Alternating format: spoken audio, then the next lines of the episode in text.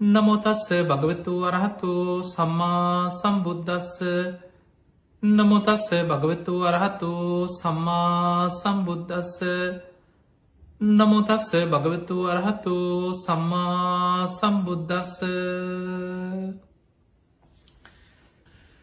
පිංහතුනි බණ අහද්දී විශේෂ කාරණා කීපයක් තියෙනවා. ඔබ ඕන තරම් බණ අහල ඇති. බණ ඇසීම කියන්නේ නිවන්දොරටුවක් ඒක හොඳට මතක තියාගන්න බණහන හැම වෙලාවෙන. ඒ නිසා හිතේ අධිෂ්ඨානයක් ඇති කරගන්න මේ ධර්මශ්‍රවනය මට නිවන්දොරටුවක් බවට පත්වේවා කියෙන අධිෂ්ඨානය. බුදුරජාණන් වහන්සේ අපිට මේ ධර්මය අවබෝධ වෙන ක්‍රම ගණනාවක් පෙන්වා. ඒ අතර බණ ඇසීමත් එක නිවන් දොරටුවක් බවට පත්වෙනවා. බණ අහද්දිත් ධර්මය අවබෝධ කරගත්ත මහා පින්වන්තය මේ බුද්ධ ශාසනය ඉදලා තියෙන. ඊළඟට බුදුහාන්දුරු පෙන්නනවා අට්ටී කත්වා මනසිකත්වා. සම්පූර්ණයම තමන්ගේ අවධානය මුළු දේශනායම පිහිටවාගෙන දැඩි අවධානෙන් අධිෂ්ඨානය. මං මේ ධර්මය කොහොමාරි අවබෝධ කරගන්නවා කියෙන දැඩි අධිෂ්ඨානයෙන් තමන්ගේ හිත යොමු කරගෙනම ධර්මය ශ්‍රවණය කරන්න දක්ෂ වෙන්නට ඕන්. අපේ බුදුහාන්දුරුව දහම් දෙසනකොට ඒ කාලෙ බුද්ධ දේශනාවල සඳහන් වෙනවා බුදුරජාණන් වහන්සේ බණ පටන්ගන්නකොටම මුලින්ම ප්‍රකාශකන සුනාත ධාරේත. මහනනි හොඳට අහන්න සුනාත මේ දේශනා හොඳින් අහන්න කන් යොමු කරගෙන බණහන්න. ධාරේත මේ ධර්මය ධාරණය කරගන්න. චරාත දම්මේ ඒ ධර්මය තුළ නුඹලා හැසිරෙන්. ඒ නිසා පිංහතුනේ අහන ධර්මය තුළ හැසිරීම. ඒ ධර්මය තමන්ගේ ජීවිතයට ගලපා ගැනීම ධර්මාවබෝධයට විශාල උපකාරයක් රුකුලක් බවට පත්වෙන. අද අපි බලන්න අපේ ජීවිතය තුළ තියෙන ඔබත් මමත් අපි කවුරුත් කෙලවරක් නොපෙනෙන මේ දීර්ග සංසාර ගමනේ ඉපදමින් මැරමින් ඉපදමින් මැරමින් ගමන් කරන්නේ ප්‍රධාන වසයෙන් රාග දවේශ මෝහ කියන මේ ක්ලේෂ ධර්මයන් නිසා. ඒ ප්‍රධාන ක්ලේෂ ධර්මයන් සමගම තමයි අනිත් බොහෝ අපි සාමාන්‍යෙන් බහල ඇති රේරුකානේ පූජනය මහනායක චන්දවිමල ස්වාමීන් වහන්සේගේ කෙලෙ සෙද්දාස් පන්සිය කියල පොතක් තිය. කොටස් වොලට බෙදලා බෙදල මේ ක්ලේෂ ධර්මයන් දහස් ගණනින් අපි විස්තර කරා. ඒ හැම දේකම ආරම්භි ගත්තොත් රාග දවේශ මෝහ කියන මෙන්න මේ තුන මුල් කරගෙන තමයි මේ සියලු ක්ලේෂ ධර්මයන් හටගෙන තිය. අවිද්‍යාව ප්‍රහාණය කිරීමත් සමගම මේ සියලු ක්ලේෂ ධර්මයන් ප්‍රහාණය කරගන්න පුළුවන්කම ලැබෙන. ඒ පිණිස ක්‍රමාණු කුල වැඩ පිළිවෙලක් බුදුරජාණන් වහන්සේගේ ධර්මය තුළ අපිට පෙන්න ලදීලා තියෙන. අද අපි බලන්නේ දවේශය තරහ යන ස්වභාවේ ගැටෙන ස්වභාවේ කොහොමද මේක නැතිවෙන්නේ. කොහොමද යටපත් කරගන්න පාලනය කරගන්න කොහොමද සම්පූර්ණයෙන් ප්‍රහාණය කරන්නේ කොහොමද. අපි පියවරෙන් පියවර තේරුම් ගන්න උත්සාහයක් ගන්න. දැන් තරහ යන ස්වභාවේ අරමුණු එක ගැටෙන ස්වභාවේ කේන්ති යන ස්වභාවේ අනාගාමී වෙන කල්ම අපි තුළ පවතින. අන්න එහෙම නම් මුලින්ම තේරුම් ගත යුතු දේ තමයි මේ දවේශ හිත සම්පූර්ණයෙන් නැත් අරමුණු එක ගැටෙන හිත අකමැති හිත මේ පටිගේ නැමති දවේශය නැමති සංයෝජනය සම්පූර්ණයෙන් ඔබ තුළින් මාතුළින් අපි කවුරුත් තුළින් ප්‍රහාණය වෙන්නේ අනාගාමී කෙන මාර්ග පලට පත්වෙති. මතක තියාගන සෝවාන් පලට පත්වෙන කෙනා ප්‍රහාණය කරන්නේ සක්කායිදිට්ටි විචිකිච්චා සීලබ්බත පරාමාස ඔන්න ඔයි ත්‍රවිධ සංයෝජන ප්‍රහාණය කරන. හැබැයි සෝවාන් වෙච්ච කෙනාට කාමරාග පටික ඒ විදිහට පවතින. කාමරාග පටික ප්‍රහාණයවීමක් වෙන්නේ. හැබැයි සෝවාන් වෙච්ච කෙනා අවබෝධයක් තුළ ජීවත්වෙන නිසා චතුරාරි සත්‍යයේ සත්‍ය ඥානය ඇතිකරගෙන ජීවත්වෙන් නිසා ඔහු ගැන බුදුරජාණන් වහන්සේ සහතික වෙනවා කිසිම විදිහකින් සෝවාන් වෙච්ච පුද්ගලයෙක් අපායගාමී අකුසලයකට නම් වැටෙන් නෑකේ. ඔහු කිසිම විදිහකින් කොච්චර දවේශහිතක් තමා තුළ තිබුණත් ඔහු අවබෝධෙන් එක යටපත් කරගන්න. අකුසලයක් දක්වා අපායගාමි අකුසලයක් දක්වා ඒ දවේශය තමන්ව පාලනය කරන්න ඉඩ දෙන්න. දැම් බොහෝ වෙලාවට තියෙන්නේ හිත දියුණු කරගත්ත නැති කෙනාව කෙලෙස්වලින් එයාව පාලනය කරනවා. එයා දවේශය පාලනය කර නොනවේ දවේශෙන් එයා පාලනය කරනවා. හිත දියුණු කරගත්ත කෙනා ධර්මය අවබෝධ කරගත්ත කෙනාට තමන්ගේ ක්ලේෂ ධර්මයන් තමන්ට අවශ්‍ය විදියට තමා තුළින් යටපත් කරගෙන ප්‍රහාණය කරගෙන ආදීනව තේරුම් අරගෙන හිත පාලනය කරගන්න පුළුවන්කම තියෙන. එනිසා සෝවාන් වෙච්ච පුද්ගලයක් කොයිම විදිහකින්වත් අපායගාමි අකුසලේකට රං වැටෙන්නේ. ඔහුට තරහයන්නෑ කියන එක නෙමේ. ඔහුට කේන්ති යන තරහක් ඇතිවෙන. හැබැයි ඒ මොහොතෙ මොහු සිහිය පිහිටවාගෙන ආදීනව තේරුම් අරගෙන ඒ හිත තමා තුළින් යටපත් කරගන්න. ඔහු නිතර ආදීනව මෙනෙහි කරන. තමන්ගේ හිතට තරහක් කාවත් ඒ සැනින් ඔහු සිහි කරනවා දවේශය කියන්න අකුසලයක්. දවේශය කියැන අනතුරක්. යකඩේක හටගන්න මලකඩ යකඩයක් විනාස කරනවා වගේ මා තුළ හටගන්න දවේශයේ මමම නේද විනාසවේ. අන්නේ විදිහට සැනින් සිහිය පිහිටවාගෙන ධර්මය සිහි කරලා අර දවේශ හිත තමාතුලින්ම යටපත් කරගන්න. ඊළඟට යම් කිසි කෙනෙක් දැන් අපි කතා කරේ සෝවාන් මට්ටමනේ මේ ධර්මමාර්ගය වඩල සකදාගාමී කියෙන මාර්ග පලය ලබන. ඔන්න සෝවාන් පලට ඉහලින් තියෙන සකදාගාමී කියෙන මාර්ග පලය. ඔහුට කාමරාග පටිග තුනී වෙලා යන. සම්පූර්ණ ප්‍රහාණයවීමක් නෙමේ තුනීවීමක් යටපත්වීමක් සිද්ධ වෙන. ඒකන්න ඔහුට තරහයන්න නෑ කියන එක නෙමේ. අර තරන්නේ අර තරම් කේන්තියක් තරහක් හිතට ඇතිවෙන්නේ. යටපත් වෙලා තියෙන තුනී වෙලා තියෙන. හිත තුළ අරමුණු එක ගැටීම ඇති වෙනවා හැබැයි ඒ සැනින් සිය පිහිටෝ ගන්න. ඔහු කොහොමුවත් අකුසලේකට වැටෙන්නේ. එහෙමනං සකදාගාමි වෙච්ච කෙනාටත් කාමරාග පටික සංයෝජන තියෙනවා. අනාගාමී පලට පත්වෙනකොට අන්නේ කෙනා සම්පූර්ණයෙන්ම කාමරාග පටික සංයෝජන ප්‍රහාණය කරන. බො මතක තියාගන්න අනාගාමී පුද්ගලයා තුළ කාමරාගයක් පටිගේ අරමුණු එක ගැටෙන ස්වභාවයක්. ඒ අරමුණට ඇලීගෙන බැඳීගෙන රාගෙන් ඒ අරමුණත් එක්ක බැඳීගෙන යන ස්වභාවයක් අරමුණ එක ගැටෙන ස්වභාවයක් කියෙන කාමරාග පටික සංයෝජන සම්පූර්ණයෙන්ම ප්‍රහාණය වෙන්නේ අනාගාමී ශ්‍රාවකය තුළ. එහෙමනම් අනාගාමී වෙච්ච කෙනෙකුට දවේශහිතක් ඇති වුණා කියලා කොහෙවත් කියන්න පුළුවන්කමක් නෑ. ඒකෙන අනාගාමී පලට පත්වෙනකොටම ඒ දවේශ සහගත නිමිති ආශ්‍රව හැටියට අනුසේ ධර්ම හැටියට කාමරාග පටික සංයෝජනයක් හැටියටම සම්පූර්ණයම තමාතුළි බැහැරවෙන. අනාගාමී වෙච්ච කෙනාට තවත් තියෙනවා අරහත්වය පිණිස ප්‍රහාණය කළ යුතු සංයෝජන. ඒ තමයි රූපරාග අරූපරාග මාන උද්දච්චා විද්‍යා කියල සංයෝජන කීපයක් තිය. අන්නේ සංයෝජන ප්‍රහාණයවීම තුළ හෝ උතුම් අරහත් පලය ලබනවා. එදකොට ඔය ඔන්න ඔය විදිහයට තමයි මේ ධර්මාවබෝධය කරා කෙනෙ පියවරෙන් පියවර ගැමුරෙන් ඉදිරියට යන්න. ඒ නිසා මතක තියාගන්න මේ බණහන්න පටන් ගන්නකොටම තරහ නැති වෙනව නෙමේ. දවසක් භාවනා කරා කියලා දවේශය නැති වුනත් නෙමේ. මොකද සමහර අය ඔබ මේක හොඳට තේරුම් ගන්න ඕන සමාජ ගැන ඔබ එක පැත්තකින් හිතන්න මිනිස්සු තුළ මේ රාග දවේශ මෝහත් එක්ක ධර්මමාර්ගය වඩන කෙනා ගැන ධර්මමාර්ගය පුරුදු කරගන්න බැරි කෙනාට සියුම් ඉරිසියාවක් තියෙන. ඒක සාමාන්‍යෙන් හොඳට දකින්න පුළුවන් දෙයක්. ඒක බුදුහාන්දුරන්ගේ ධර්මය තියෙනවය වංචනික ධර්ම චිත්ත උපක්ලේෂ කියලම අභිධර්මය විස්තර වෙන කොටස්තිය. උපක්ලේෂ ධර්ම. ඒ උපක්ලේෂ ධර්මයන් හිත තුළ පවතිනවා. දැන් අපි සාමාන්‍ය හිත මෙහෙම. හැමෝම පිළිගන්නවා ප්‍රාණගාතයෙන් වලකින එක හොඳයිද නරකයිද. ආයක අමුතුවෙන් අහන්න දෙයක් නෑන. ඕර සමහලාට ප්‍රාණගාත යෙදෙන කෙනෙ. සත්තු මරණ එකම රස්සාාව කරගත්ත කෙනෙක් වෙන්න පුළුවන්. හැබැයි එයත් කියනවා අයියෝ මේකින් මිදිලා වෙන රස්සාාවක් හොයා ගන්න තියෙනවන.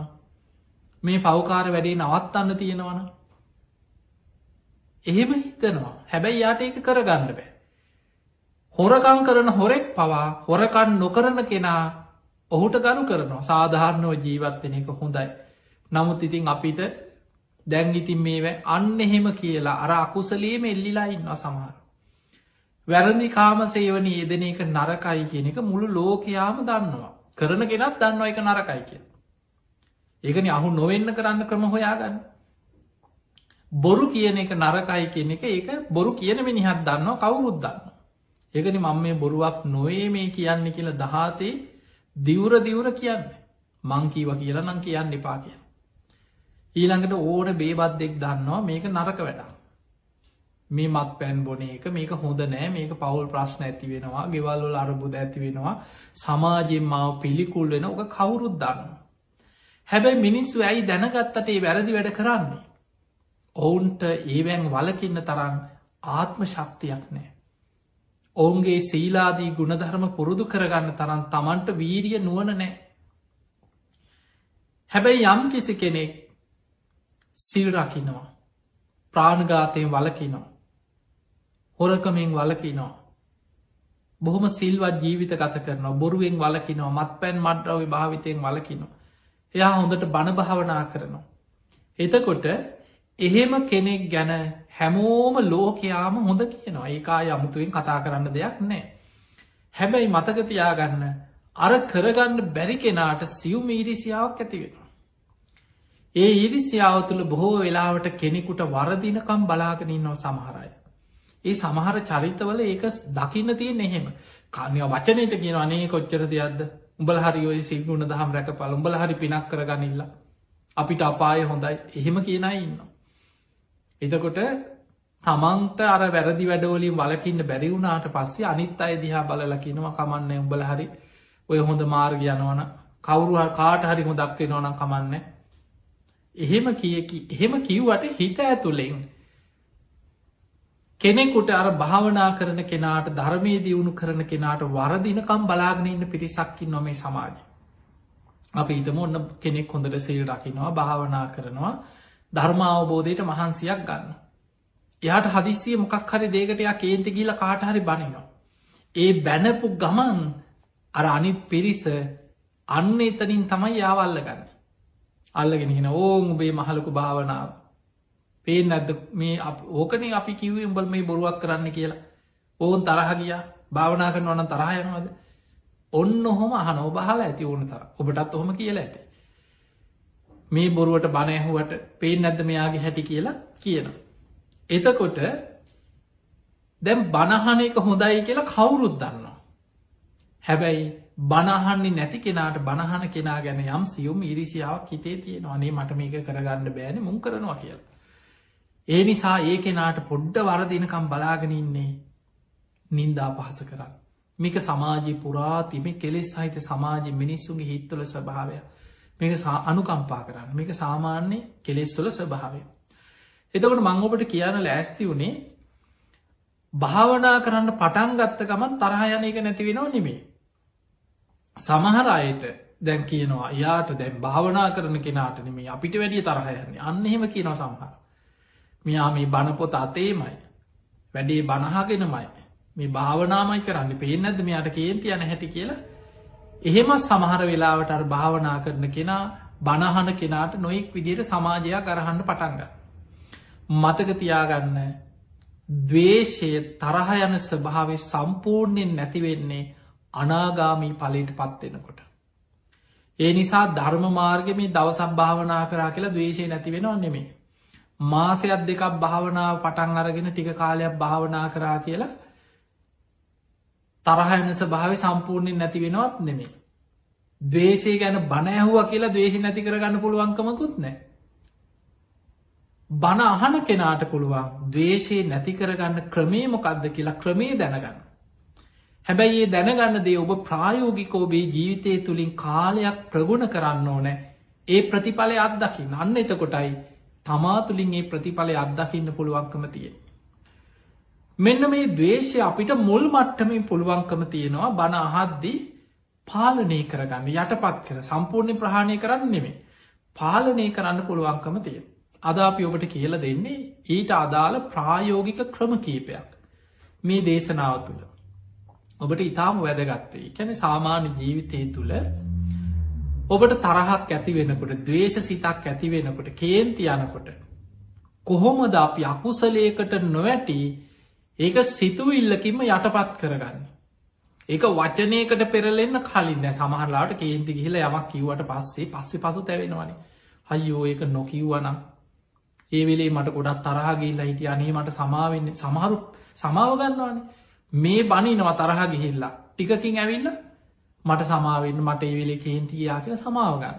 එදකොට හැබැයි අට කේන්තිගිය වෙලාවිම තමන්ට පුළුවන් වුණානම් අර වචන එලියට දාන්න නැතුව හිතෙන් යටපත් කරගෙන තමන්ව පාලනය කරගත් ආයි පස්සේ සමාවගන්න යන්න ඔන්නෑ. ඒ වගේ මේක දරුණුවට ගියාට පස්සේ ෂණික කෝපය ඔබහල ඇති ෂණික කෝපේ. සමහර දරුණු මිනී මැරුන් තියෙනවා. මේ හොඳට හිනාවෙලා කතා කර කර ඉන්නවා එක වචනයකට ෂණිකව කේන්ති ගීල ළඟ තියෙන පියකින් හරි අනින්න. එක්ක අතේ තිබ බෙහෙකින් දමල ගහන්න. එක්ක මොකක් හරෙකු ගහගන්න. පස්සේ ආයි තමන් පසු තැවෙනවා දැයි බලන්න ඔබ මිනිස්සු කොච්චර පුංචි දේට කේන්ති යනවද. ඔබ දැකල ඇති සාමාන්‍යයෙන් ලංකාව අපේ රට දිහනිකං හිතල බල ඔබොයි මාධ්‍යවල සමට අන්තර්ජාලි පව නොයෙක් දැකල ඇති. දැන් ගෙදර වෙඩින් එකක් කියලා හිතන්න මගුල් ගෙයක් තියෙනවා. ඔය මගුල් ගෙට ආරාධනා කරන්නේ තරහකාරයන්ටද නෑ. ආරාධනා කරද්දිත් බලනවා මගුල් ගෙදට ආරාධනා කරන්න ඕන කාටද කවුද හොඳින් ඉන්නේ කවුද අපිට උදව් කරලා තිය ආඒ මිනිස්සුන්ට නම් කියන්න ඕන ඔය මිනිස්සුන් නම් ඊරිසියාකාරය ඔවුන්ට කියන්න ඕන්න එහෙම තමයි මිනිස්සු මගුල් ගෙදරකට හරි ඔබේ උපන්දින පාටියකට හරි ආරාධනා කරනයි තෝරගන්න. එතකොට එන්න කියන්නේ තමන්ට හිතවත්තයි එතකොට ඔබ මගුල් ගෙතර යන්නේ තියෙන හොඳ මෑදුමක් ඇදලා ඔබ එදාට හිනාවේගෙන යන්නෙම රන්ඩුවෙන්න්න බලාගෙන යන ඕනෙමනි මිනිස්සු යන්න හිනාවේගෙන තෑගි බෝකාරගෙන යනවා. හැබැයි ඒ ගිහිල්ලා අර ගෙදර ගිහිල්ල කාලබීල පිරිසක් එක්ක ඉන්නකොට එක පුංචි වචනයක් සමහලාට කවුරු හරි කරපු විහිළුවක් පුංචි දෙයක් ඇති ඔබ දැකල ඇති මගුල් ගෙවල් වල ගහගන්නවා මිනිස්සු. ඊළඟට සමහරු මිනිමැරු ඔබ දකිින් නැති සමහර මගුල් ගෙවල් වල ගහගෙන සමහලාට එක්ක මනාලයගේ පාර්සවෙන් මනාලියගේ පාර්සවය කහටරි ගැහුව කිය ඊට පස්සේ මිනිමැරුමක් එතන සම්පූර්ණයෙන් අවසානය මගුල්ගේ මළගයක් වෙලා ඉවරවේ. එතකොට බලන්න මිනිස්සු ගිය ඕකට නෙමෙයි ගියේ සතුටෙන් කාල බීල සතුටු වෙලා සතුට බුක්ති විඳින්නකි. හැබැයි ෂණිකව ඇතිවන ෂණික කෝපේ පස්සේ පසු තැවෙනවා. හයිෝ මං ඒ වෙලා විවසුවනං හරි ඒක නොකළ යුතු දෙයක් මං කරේ ඔහොම කියනයි කොච්චර ඉන්නවාද. එහෙනම් මතක තියාගන්න අපිට එන ආවේග අපිට එන සිතුවිලි අපි සිතුවිල්ලක් හැටියටම අපිට පාලනය කරගන්න පුළුවන්නම් දැනට ඔබට පුළුවන් මේ හිත පාලනය කරගෙන තව ගමනක් ඉස්සරහට යන්න. පස්සේ ඔබ භාවනා කරගෙන කරගෙන යනකොට ඒ එන සිතුවිල්ලෙ ප්‍රබල භාවි ඔබට අඩු කරගන්න පුළුවන්. එක තමයි භාවනාවෙන් කෙරෙන්. දැම් බුදුරජාණන් වහන්සේ මෛත්‍රිය ගැන පෙන්නනකොට උපමාවක් පෙන්වා මහනෙන ගින්දරකට කුකුල් පිහාට්ටක් ඇල්ලුව වගේ. ඔන්න උපමාව. අපි ගම ගිනි ගොඩක් තියෙනවා. මේ ගිනි ගොඩ ඔබ සාමාන්‍යෙන් ලිපක් ළඟ හරි ගිනි ගොඩක් ළඟට හරි ඔබට ළඟට යන්න බෑන අපිට අන්න පුල සීමාවක් තියෙන ටිකක් ලංවෙන්න ලංවෙන්නේ ගිනි රස්නයනවා නෑ අපි ගම කුකුල් පිහාට්ටක් කුරුළු පිහාට්ටක් හරි කුකුල් පිහාට්ට හරි ඔබ දැකල ඇතින මේ පිහාට්ටක් ඔබ ගිනි ගොඩකට අල්ලන ගිනි ගොඩ ටැල්වට පස්සෙ මොකද වෙන්නේ ඒක උනු වෙලා ඇකිලෙනවා ඒක තමන්ගේ පැත්තට ඇකිලීලායන ඔබ හොඳට බලන්න ප්‍රායෝගිකව ගින්දරකට කුල් පිහාටක් ලං කරනකොට ඒක උුණු වෙලා ඇකිලෙනවා තමන්ගේ පැත්තට. බුදුරජාණන් වහන්සේ වදාළ මෛත්‍රිය වඩන මෛත්‍රී සිත දියුණු කරන කෙනා තුළත් දවේශ හිත තමා තුළ ඇකිලිලා යන. අර තරහ යන ස්භාවය කේන්ති යන ස්භාවය ගැටෙන හිත තමා තුළට ඇකිලෙනවා කියන. අන්න අපිට මුලින් කරගන්න පුළුවන් දේ කැනම අනාගාමී වෙන්න මෙහා අනාගාමයනකොට සම්පූර්ණයෙන් නැති වෙනවා. එතනින් මෙහා ධර්මාවබෝධයෙන් මෙහා අපිට තරහයන ස්වභාවෙන් නැති කරගන්න නම් හොඳම බේත තමයි මෛත්‍රිය. බුදුරජාණන් වහන්සේ පෙන්වා මෙත්තා භාවේ තබ්බා ව්‍යාපාදස්ස පහනාය. මහනෙන මෛත්‍රිය වඩන්න වඩන්න. මෛත්‍රී සිත දියුණු කරන්න දියුණු කරන්න ව්‍යාපාදස්ස පහනාය. මේ තරහයන ස්භාවේ කේන්ති යන ස්භාවේ ගැටෙන ස්භාවේ ප්‍රහාණය වෙලා යටපත් වෙලා යන. ඒක හරියටර් ගින්දරකට කුල් පිහාට්ටක් ඇල්ලුව වගේ. ඊළඟට මතක තියාගන්න මේ ලෝකෙ මිනිස්සු දැ ඔබට හිතෙන්න්න පුළුවන් හැයි මට විතරක් කේන්තියන්න. අරයට කේන්තියන්න ෑන. ඒකට මෙයා මොනවා කිවත්ව ඉන්න කාගෙන දැ සමහර උදාහරණවලටත් කියනවා. ඔන්න බලාපං අර එහා ගෙදර ළමයා ඒ ළමයට කවුරුමනවා කීවත් ඒ ළම හොඳට ඉවසීමෙන් ඉන්නවා. ඒකට නුබල කියලා ඔන්න ගෙවල්වල සාමන් ළමයින්ට ඔහොම කියන අවස්ථා තියෙන. එතකොට සමහර අයි ඉන්නවා උපතින්ම දවේශ චරිත. ඔබයි චරිත විග්‍රහ සමහරලාවට අහල ඇති රාග චරිත දවේශ චරිත මෝහ චරිත විතක්ක චරිත සද්ධහා චරිත ඔය වගේ මේ චරිත විස්තරයකුත් ඔය අටුවාවලට එනකොට ධර්මය සඳහන් වෙනවා. එතනදී අපි කාට රාගදවේශ මොහ තියෙනවා අඩු වැඩි වසේ. බුදුරජාණන් වහන්සේ පවා බුද්ධත්හිට පත්වෙලා කාටද මං මේ ධර්මය දේශනා කරන්නේ කියලා ලෝකෙ දිහා බලනකොට දැක්ක නෙලුම් විලක් වගේ. මේ ලෝකයාගේ මේ ලෝක සත්‍යයන්ගේ කෙලෙස්වල ස්වභාව. නෙලුම් විලා. එක නෙලුම් විලක ඔක්කෝම මල් එකම ප්‍රමාණයට උඩට ඇවිල්ල පිපිල තියෙනවා නෙමේ. සමහරේවා උඩට ඇවිල්ල හිරු රැස් වැටෙනකොට පිපෙනවා. සමහරේව උඩට එනවා පිපෙන්නේ. සමහරේව බාගෙට වතුරෙම කුණු වෙලා යන. සමහරේව ඇතුළෙමයි. එතකොට ඒ ඒ වගේ අල්පර ජක්ක මහරජක්ක කෙලෙස් වැඩි අයින්න කෙලෙස් අඩු අයින්න. රාගේ බලවත් අයින්න රාගේ යටපත්තිච්ච උපතිම්ම රාගේ බලවත් නැති අයින්න. සමහරු ඉන්න උපතිම්ම අධික දවේශයක් කේන්තියක් සමහරුයි නොමොනවා කීවත් එම තරහයන්න නැතිය ඉන්න උපතිී. එතකොට ඒ වගේ චරිත ගොඩක් එක කෙනගේ කෙලෙස්වල ස්භාව අපි සාමාන්‍ය කෙන නානත්ත කාය නානත්ත සංඥ මේ මනුස්ස ලෝක මිනිස්සු ගත්තොත් නානත්ත කාය රූපෙන් ගත්තත් දාහක් ගත්තොත් දහසා කරමි මූුණ නිකා එකම ප්‍රමාණයට තිබුණට පුංචි මූුණක් රූපෙන් ගත්තත් අඳුරගන්න බැයිද අඳුරගන්න පුළුවන් අපි ලක්ෂයක් දැක්කත් ඒ ලක්ෂය අතරින් එක එක් කෙනාගේ මෝනේ ස්භාවය ඒ ස්භාවයල් වලින් විශාල වෙනස්කං ගොඩක් තියෙන. පුද්ගලය වසින් ගත්තත් රූපයෙන් ගත්තත් වෙනස්. අදහසා කල්පොලින් ගත්තත් ඒත් වෙනස්. එක එක් කෙනාගේ කෙලෙස්වල ස්භාවයන් අදහා සාකල්ප ප්‍රාර්ථනා පැතුම් සිතුවිලි මේ ඔක්කොම වෙනස්. එතකොට මේවත් එක්ක කෙලෙස්වල අඩු වැඩිකම් තියෙනවා. බුදුරජාණන් වහන්සේ මේ ලෝකයාගේ කෙලෙස්වල ස්වභාව අපි දවේශි පැත්තෙන් ගත්තොත් මේ දවේශය ඔස්සේ අර අඩුව අයයි වැඩි අයයි මේ ඔක්කෝම ප්‍රධාන කොටස් තුනකට බෙදවා. උපමා තුනක් බුදුරජාණන් වහන්සේ අපිට පේටනවා. ඒ තමයි එක පිරිසක් ඉන්නවා මේ මාර්ගපල් අපවයිනේ පෘතජ්ජන ලෝකයේ සාමාන්‍ය මිනිස්ව අතර එක පිරිසක් ඉන්නවා තරහ යනම්.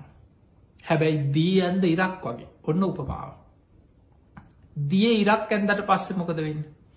ඔබ දැකල ඇති වතුරේ නිකන් සාමානය ඔබ වතුරක නානකොට හරි බේසමක හරි නිකං දිය ඉරක් ඇඳල බල ඒ අදින ඉර ඒ සැනින් මැකෙනවා. ඒ ඉර පිහිටන්නේ. ඒ වගේ සමහරයි ඉන්නවා තරහ යන ස්වභාවය උපතිම් අඩුයි. කේන්ති යන ස්වභාවය අඩුයි. ඒවට හේතු තියෙනවා. ඒවන් නිකම් මේ උපතින් උපදිනකොට නිකං සමහරුන්ට ආයාට තරහයන්න නෑන කියලා කිව්වට යත් දන්න නැති වුණාට ඔබත් දන්න නැති වුණාට සංසාර පුරුදු ඒවට බලපාන. බුදුරජාණන් වහන්සේ පෙන්න්නන මහනෙන සසරි බොහෝ කාලයක් මෛත්‍රී සිත පුරුදු කරපය. යා දන්න නැති වුණට පෙරජීවිතයා කොහිට අද කියලා දන්නවද. ඒ අපිට දකින්න බෑ. ඒක දකින්න පුළුවන් පුබ්බේ නිවාසානුස්සති ඥානය තියෙන කෙනෙකුට පෙරජීවිත දකින්න පුළුව. අපි දන්නේ සමහරලාවට යා පෙර සසරේ මෛත්‍රී දිහාන වඩලා. බ්‍රහ්ම ලෝක කාලයක් දිහානස්වයෙන් හිටපු කෙනෙක් වෙන්න පුළුව.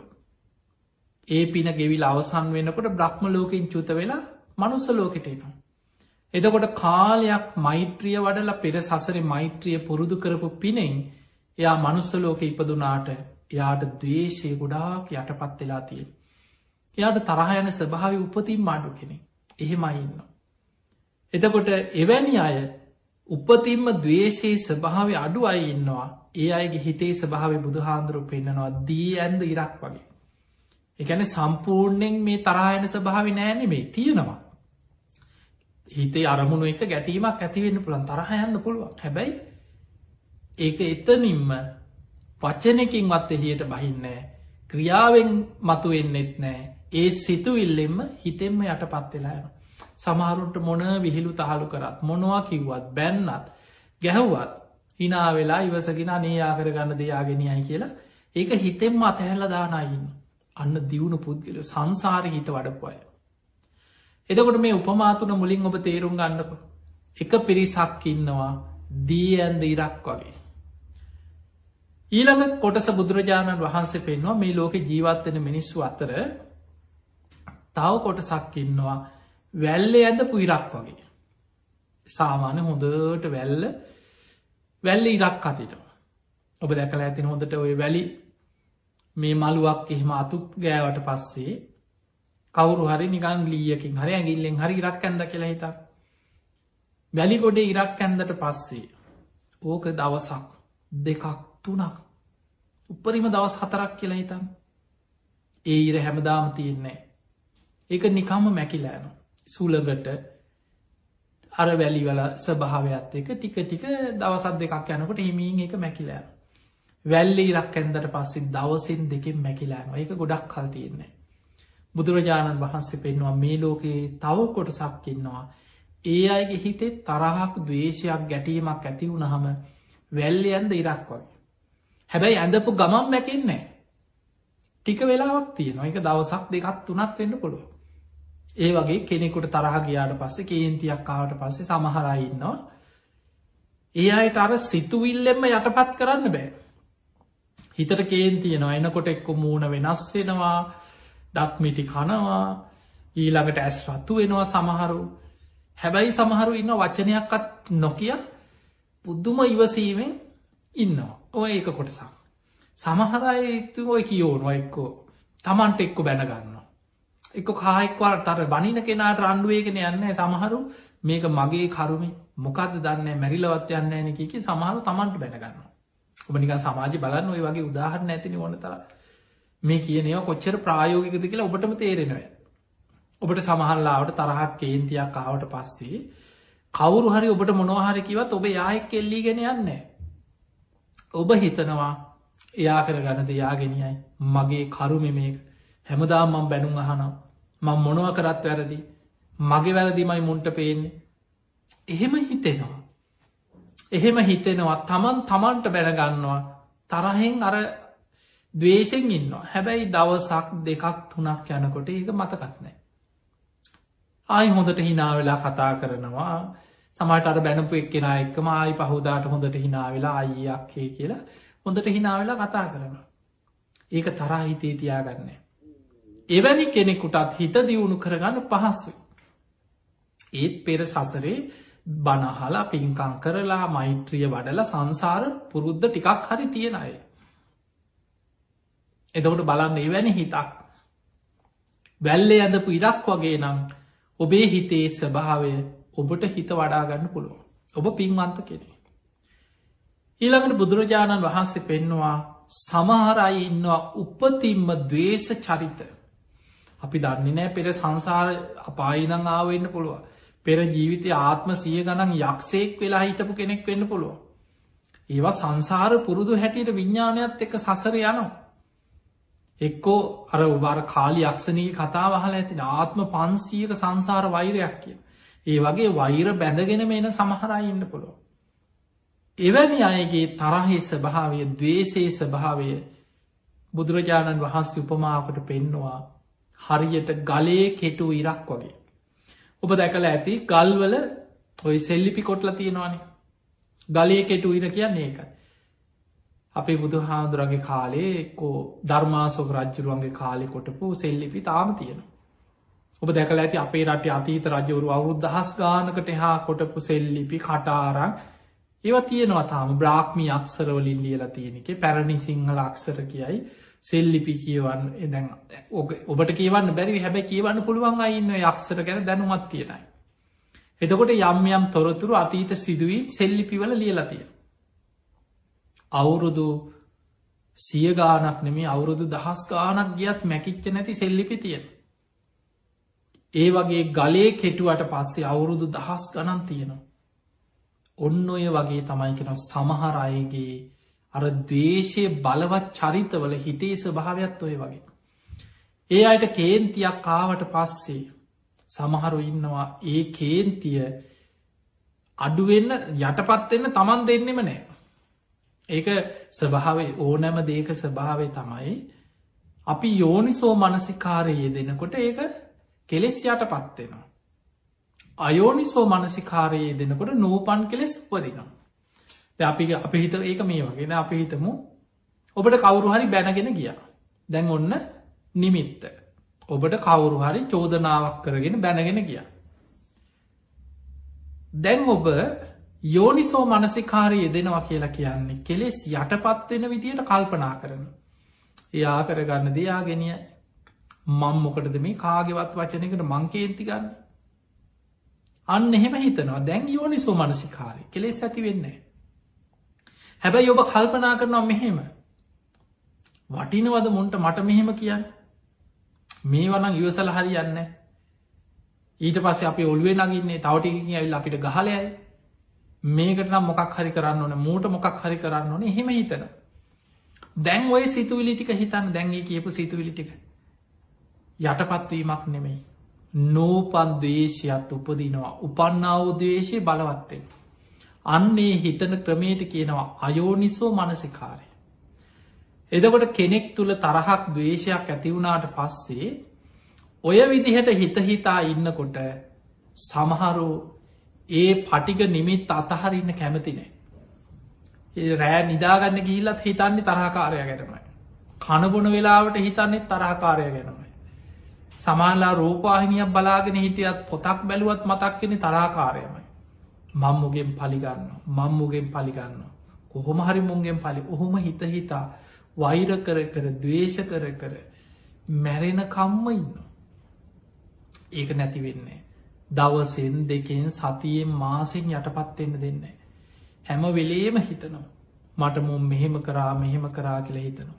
සමහරු මැරෙනකොට ඊළඟ ආත්මිට ඒ වෛරයේ සංසාර වෛරයක් හැටියට ගෙනියනවා. ඔබහල ඇති සමහර සංසාර වෛර මැරෙනකොට හිතන මං මැරිලා හරි මුගෙන් පලිගන්නවා කියාගෙන මැරෙනඉන්න. සමහරලාවට ඔබට මේ වචන ඇහෙනකොට හම්බෝ කියල හිතෙන පුළුව මං මේ ඔබට ප්‍රායෝගිකව කියන්න මේ සමාජ හැටි. මිනිස්සුන්ගේ හිත්වල ඇතිවෙන පහත් සිතුවිලිවල ස්වභාවය. එතකොට ඔබට හොඳට තේරෙන්න ඕනෑ. ඇත්තනේ නම් මේ වගේ පහත් සිතුවිලි ඇතිවෙනවන මේ හිතේ කියලා. ඒ නිසා මතකතියාගන සමහරු ඉන්නවා. යමක් කරන්න බැරිවෙන්න පුළ සමහට ඔබට ඒ බැනපු පුද්ගලය දැම් බලවත් කෙනෙක් වෙන්න පුළුව ඔහු සමාජ ඉහල තැනක ඉන්න වෙන්න පුළුවන්. හැබැයි ඔබේ හිතෙන් ඔබ පලිගන්න වැඩි නවත්තලනෑ ඔබ ඔබට යමක් කරන්න බැරිවේ ඔහු බලවත් නිසා. හැබැයි හිතෙන් බනිනවා සාප කරනවා යදිනවා දවස ගානේ ඔහුගේ විනාසි ප්‍රාර්ථනා කරනවා. සමහරු දේවාල ගාන යනවා පොල් ගහනවා සාප කරනවා මිරිස් සම්බරනවා රටේ නැති ඔක්කෝම කරනවා අර හතුර නැතිවේවා නැතිවේවා වැනසේවා කියලා. එහෙම හිතල හිතල අන්තිමට මැරෙන කොටත් හිතනවා මං මැරිලා හරිුගෙන් පලිගන්න. මං දරුවෙක්ගෙන් හරි පලිගන්න. ඊළඟට හිතනවා සතෙක් සර්පයෙක් වෙලා හරි මංමුගෙන් පලිගන්න. ඔන්න ඔය වගේ ඉතාම පහත් සිතුවිලියෝ බහල ඇති මිනිස් සමාජය තුළ. එවැනි දවේ එවැනි සිතුවිලි ඇති වෙන්නේ අන්න අර වගේ අයට අර ගලේ කෙටු ඉරක් වගේ දවේශ හිතක් තියෙන අයට තම එහෙම සිතුවිලිය. අන්න යාගේ හිතේ සභාව බුදුහාදුරු පෙන්වා ගලේ කෙටු ඉර වගේ. ඒ නිසා පිංහතුනී දවේශය තරහාව වෛරය කියලා කියන්නේ. බුදුහාන්දුරු පෙන්වේ මේක හරිට මේ උපමාටික තේරුම් ගත්තන ඔබට තේරෙයි දවේශය කියන්නේ ඇත්තටම ඔබ වෛර කරන පුද්ගලයට නෙමෙයි ප්‍රතිඵලය හම්බෙන්නේ තමන්ට තමන් තමන්ව නසාගන්න වගේ වැඩ බුදුහාදු ලස්සන උපමා ගොඩක් පෙන්න්නනවා. ඒ තමයි කෙනෙක්ව නසන්න හිතාගෙන තමන් වසපානය කරනවා වගේ වැඩක් කියනවත් දවේශය. අන්න බලන්න උපමාව ඔබ කාටහරි වෛර කරනවා කියන්නේ. ඔබ කාටහරි දවේශ කරනවා කියලා කියන්නේ. තව කෙනෙක් මරන්න කියලා හිතාගෙන ඔබ වසගොනවා වගේ වැඩක්. තමන් වහබීලා තව කෙනෙක් මැරෙනකම් බලාගෙනින් නොවගේ වැඩක් තමයි ඔබ අනුන්ට දවේශ කරනවා කියලා කිය. මොකද දවේශහිත ඇතිවෙන්න කා තුළද. ඔබ තුළ ඔබ අනුන්ට දවේශ කරන්න දවේශ කරන්න පිරිහෙන්නේ කාගේ හිතද. ඔබේ හිතයි ඔහු හොඳට කාලබිල හෝදට ඉන්නවා. හැබැයි ඔහුට දවේශ කරන ඔබේ හිත පිරිහෙනවා. ඊළඟ උපපාව බුදුරජාණන් වහන්සේ පෙන්වා මහනෙනේ දේශය කියන්නේ ගිනි අඟුරු ටිකක් අතින් අරගෙන තව කෙනෙකුට ගහන්න සූදානන් වෙනවගේ වැඩක්කි. ගිනි අඟුරු ගිනිියන් වෙච්ච ගිනි අඟුරු තියෙන රත්තු පාට වෙච්ච ගිනි අඟුරු ටිකක් තියෙන ගල් අඟුරු කියලා හිතන්න ගිනිියන් වෙච්ච. කාට හරි කේන්ති ඇවිල්ලා තමන්ගේ තරහකාරයට ගහන්න කියලා අර ගිලි අඟුරු ටික අතින් අල්ලගෙන ගහන්න සූදානම් වෙන දැම්මොකද වෙන්නේ? තමන්ගේ මත පිච්චෙන අර ගිනි අඟුරු ගන්න තමන්ගේ අති. තමන්ගේ අල්ල පිච්චෙනවා අත පිච්චෙනවා දුකට පත්වෙන තමන්. අන්නේ වගේ වැඩක් කියන මහනෙන අනුන්ට දවේශ කරනවා කියලා කියන්නේ තමන් තමන්ගේ අතින් ගිනි අඟුරු අරගෙන අනුන්ට ගහන්න සූදානන් වෙනවාගේ වැඩ තමන්මයි විනාස වෙන්නේ තමන්මයි නැසෙන්නේ තමන්මයි විනාසේ කරායන් ඊළඟ උපමාව බුදුරජාණන් වහන්සේ පෙන්නුනා මහනෙනේ දවේශය කියලා හිත් කියන්නේ යකඩේක හටගන්න මලකඩේ යකඩේ විනාස කරනවා වගේ වැඩක් කියන. ඔබ දන්නවා යකඩයක් විනාස වෙන්නේ යකඩේ ඇතුළෙෙම්ම හටගන්නවා යකඩ විනාස වෙන දේවල්. මල යකඩේ හටගන්න මලකට. එදකොට මේ මලකට නිසාමකද වෙන්නේ යකඩය දිරාගෙන දිරාගෙන කාගෙන කාගෙන කාගෙන කියල යකඩ දිරාගෙනයක්. එතකොට යකට දිරන්නේ පිට දෙයක් නිසාන මේ යකඩේ ඇතුළෙෙම හටගන්න මලකට නිසා. බුදුරජාණන් වහන්සේ වදල ඒ වගේ අනුන් ගැන දවේශ හිතක් ඇතිකරගෙන අනුන්ට වෛර කරනවා කියලා කියන්නේ තමන් යකඩේ හටගත්ත මලකට යකඩයක් විනාස වෙනවා වගේ තමන්ගේ හිතේ හටගත්ත දවේශ සිතුවිලිවලින් තමන්ගොම විනාසවයගෙන විනාසවයගෙන විනාසවයගෙන යනවා කිය. ඒ නිසා මහනෙන මෛත්‍රිය වඩ. එහෙම නං ඔබට පේනවා මේ දවේශය තරහාව කේන්තිය යටපත් කරගන්න නම් අපිට කරන්න තියෙන එකමදේ මෛත්‍රී සිත දියුණු කරන එක. ලේසි නෑ. අමාරුයි. අපේ සංසාර පුරුද්ධ තියෙන මෛත්‍රී වඩල නෙමෙයි. දවේශ කරලා ඉරිසියා කරලා වෛර කරලා අනුන්ට විනාසි ප්‍රාර්ථනා කර අනුන් නැසේවා කියලා හිතල ඕත් ඕක තමයි සසර පුරුද්ධ ඒකන තාමත් මේ සංසාර ඉන්න අපි. නැත්නම් මෙලාහට නිවන් දැකලනේ. අපි තාමත් සසර ඉපදීපදී සතරාපාය මහගෙදර කරගෙන යන්නේ ඔන්න ඔය නරක පුරුදු අපේ හිත්තලින් අතහැරගන්න බැරිවීම නිසා. ඒ නිසා පිංහතුනි විතක්ක සන්ටාන කියල තියෙනවා මජ්්‍යමනිකායි සූත්‍ර දේශනාව. මේක බුදුරජාණන් වහන්සේ දවේශ හිතක් යටපත් කරගන්න උපකාරවෙන ප්‍රායෝගික උපක්‍රමටිකක් අපිට පෙන්නල තියෙනවා. දවේශයක් තරහක් ඇති වුණාට පස්සේ කොහොමද මේක යටපත් කරන්න කියලා. විතක්ක සන්ටාන සූට්‍ර. පලවෙනි එක මේක බොහොම ප්‍රායෝගික ඔබ හොඳට එකින් එක මතකතියාගන්න. ඔන්න යම්කිසි කෙනෙක් ගැන දවේශ හිතක් ඇතිවෙනවා. පටික නිමිත්තා. පලවෙනි මේක බුදු හාන්දුර පෙන්න්නනවා. ඒ ඔස්සේ අයෝනිසෝ මනසිකාරය දෙන්න එපා. ඒ තරහ සිතුවිල්ල ගැන හිතන් නැතුව වෙන දෙයක් කල්පනා කරන්න බොහොම සරලයින්න අප හිතම කවුරු හරි ඔබට බැනගෙන ගියා. තැන් ඔබට ඔන්නම් ඔහුට පුපුර පුපුර ඔහුට සැලසුම් හදහද ඔහුට විනාස වේවා නැසේවා මට මෝ මෙහෙම කිවගේ කියන්න පුළුවන්. අනේ ආකර ගණද යාගෙනය කියලා හිතෙන් අතඇරිය ඔබ වෙන ඔබේ ඔබ පොතක් බලනවා බණ කහනවා ඔබේ යහපත පිණිස ඔබ ධර්ම මාර්ග හැසිරෙනවා. අන්න බුදු හාන්දුර පෙන්වා පලවෙනි මූපක්‍රමයක. තමන්ට දවේශ හිතක් කාවට පස්සේ ඔබ ඒ අරමුණේ එල්ලීගෙනයින් නැතුව වෙනත් කුසල අරමුණකට හිතගන්න. හිතට වද දෙන ප්‍රශ්නයක්න. කවුරුහරි ඔබෝ කේන්ති ගැස්වන. ඔබට බැන්නන දැන් ඔබ ඒක මතක් කෙනවනම් හැමවෙලේම හිතට මතක් කෙනෙක නවත්තන්න ලේසි නෑ මොකද අපේ හිත තාම දමනය කරලා හිත දියුණු කළ නෙමේනේ ඒ නිසා හිතට පාලනයක් නැතිවුණට හිතට සිතුවිලි ගලාගෙන ගලාගෙන නවා. එතකොට අපි කරන්න ඕන කුසල අරමුණුවල දෙන්න ඕන. ඒ වෙලාවට බණහන්න පටන්ගන්න. අඩු ගානමික ගොඩාක් හිතට වද දෙනවන චුට්ටම් මගහැරෙන්න්න කොහරි යන වන්දනාව කියන. එක් අන්රාධපුර යනවා. රුවන්නලි සෑ වැඳල ශ්‍රී මහබෝධී වැඳල හොඳට පින්කි කරලා පිරිත් කියලා අට මස්ථානත් වන්දනා කරගෙන අන්න දවස් දෙකතුනක් ගිහිලා හොඳට වැඳලා පින්ටිකක් කරගෙන එන්නකොට පිනත් බලවත් වෙලා අරක මතකත් නෑ. අර ප්‍රශ්න ඔක්කොම යටපත් වෙලා. අන්න ඒ වගේ උපක්‍රම සීලීව මගහැරීමෙන් ගොඩක් දේවල් යටපත් කරගන්න පුළුවන්. එතකොට ඒ දවේශ හිත මගහැරෙන විදිහට කුසල අරමුණකට හිතගන්න. එක්කො ඒ වෙලාවට ඔබ පටන් ගන්න පොතක් කියවම. එක්කො ගේ අස් කරනවා.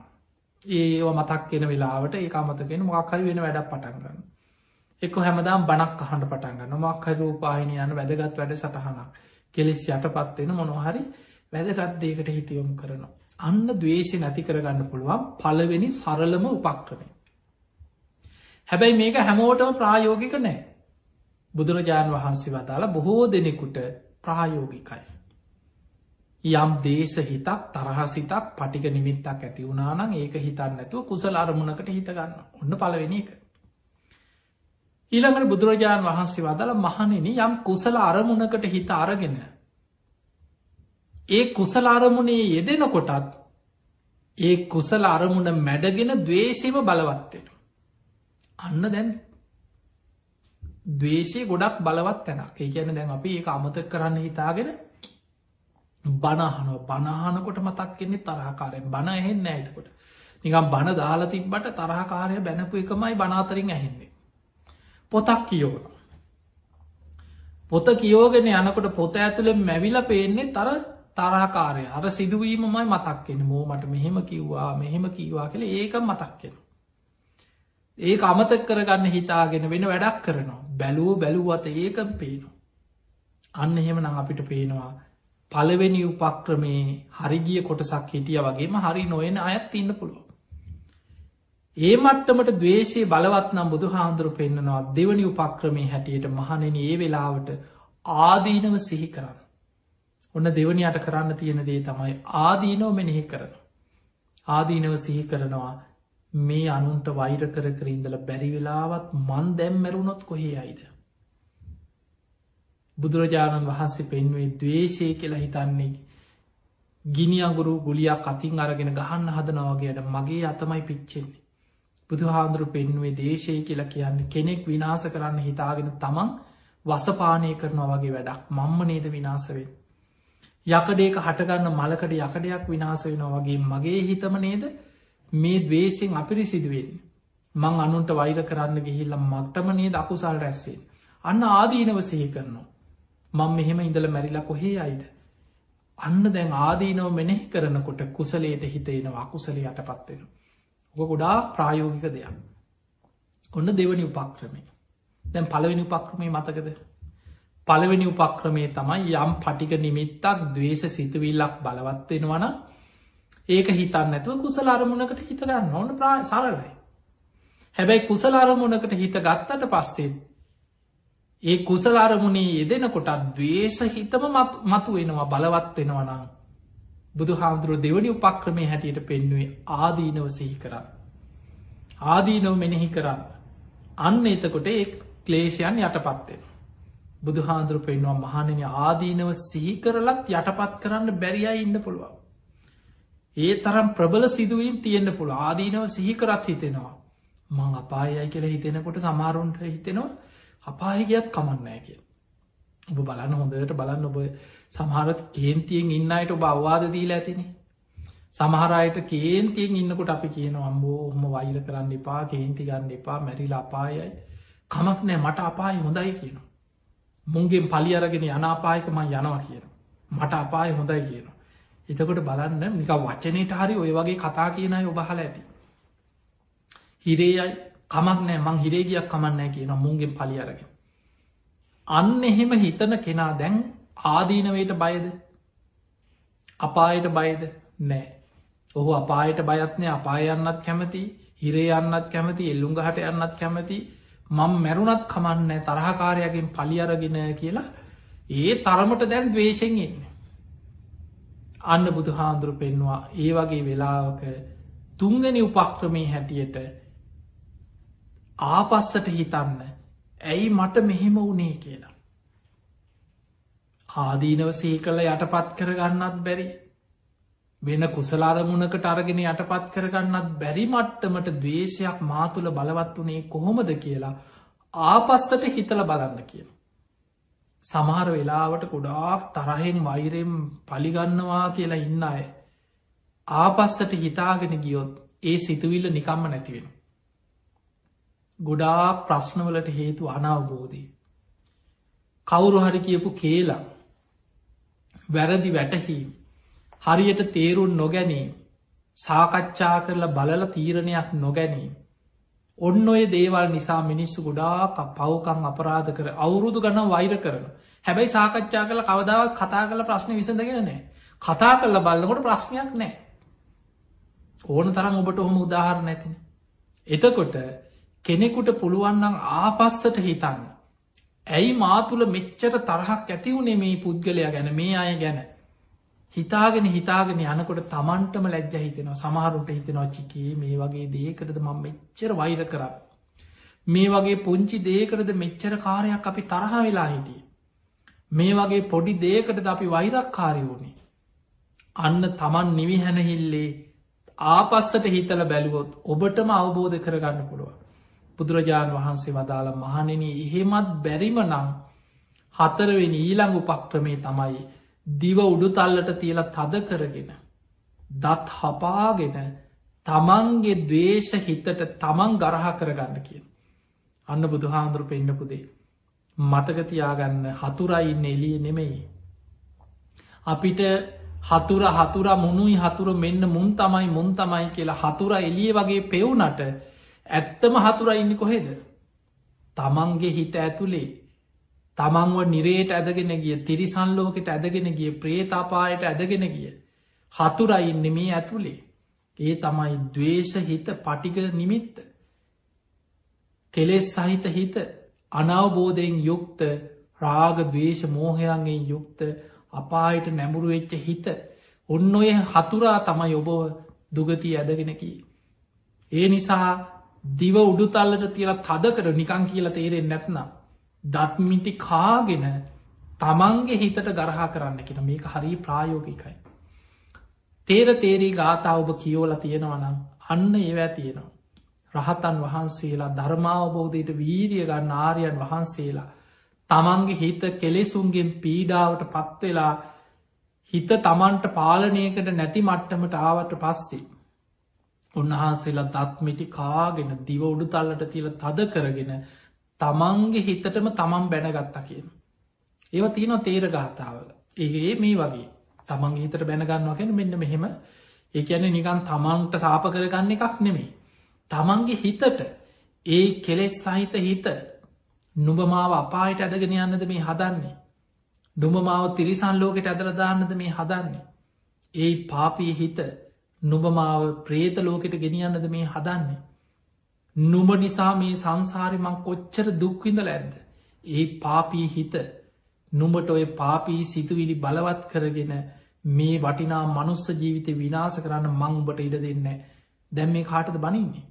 තමන්ගේ ක්ලේස හිතට අර අකුසල් වලට තමන්ගේ හිතෙන් මතුවෙන රාගදේශ මෝහවලට තමන් හිත පාලනය කරගන්න දැඩියව අවවාද දෙමින් තමන්ගේ හිත පාලනය කරගන්න කිය. එනිසා මතකතියාගන්න ඊළඟදේ තමයි මෛත්‍රිය තමයි මේ හිත දමනය කරන්න තියෙන එකම ක්‍රමි බුදු හාන්දුරු පෙන්වා මෙත්තා භාවේ තබ්බහ ව්‍යාපාදස්ස පහනයි. දවේශයට ප්‍රතිවිරුද් අරමුණක් හැටියට මෛත්‍රිය තරන් දෙයක් බුදු ඇසිංවත් දකින්නෑ කියෙන්. එනිසා පිංහතුනී මේ දවේශය ඔබට ඕන තරම් අදැ මේ බණ ඇහෙනකොට උදාහරණ කියනකොට ඔබටම ඔබ ගැන ආපස්සට තේරෙනව ඇති අම්බෝ මංකොච්චර කේන්ති ගන්න මං කොච්චර තරහගින් බැනල තියෙන මං කොච්චර ඔය වගේ මට බැනගෙන තියෙනවා මං කොච්චර මිනිස්සුන්ට සාප කරලා තියෙනවද? ඔබටම ඔබ ගැන ආපස්සර දකින්න පුළුවන්.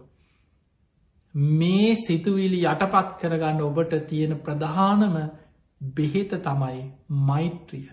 දවේශයේ යටපත් වෙලා යන ප්‍රධානම අවශ්‍යදේ තමයි මෛත්‍රිය නැමති අවශ්‍යදේ ඒ මෛත්‍රියෙන් ඔබට මේ කෙලෙස් සහිත හිත ගොඩාක් දමනය කළ යටපත් කරගන්න පුළුවන්. ඒ විදිහට හිත යටපත් කරගෙන ධර්ම මාර්ග ගමන් කරලා අවබෝධයට පත්වෙනකොට අනාගාමි වෙනකොට කාමරාග පටික සංයෝජනව සම්පූර්ණයෙන් ප්‍රහාණය කළ ධර්මාවබෝධය කරායන්න පුළුව. ති ඒ පිණිස ඔබ හැම දෙනාටම. අද මේ ධර්ම දේශනාව ධර්මානු ශාසනාව නිවන් අවබෝධය පිරිසම ඔබ හැම දෙනාටම ආශිර්වාදයක් වේවා පාරමිතාවක් වේවා කියලපි ආශිර්වාද කරන.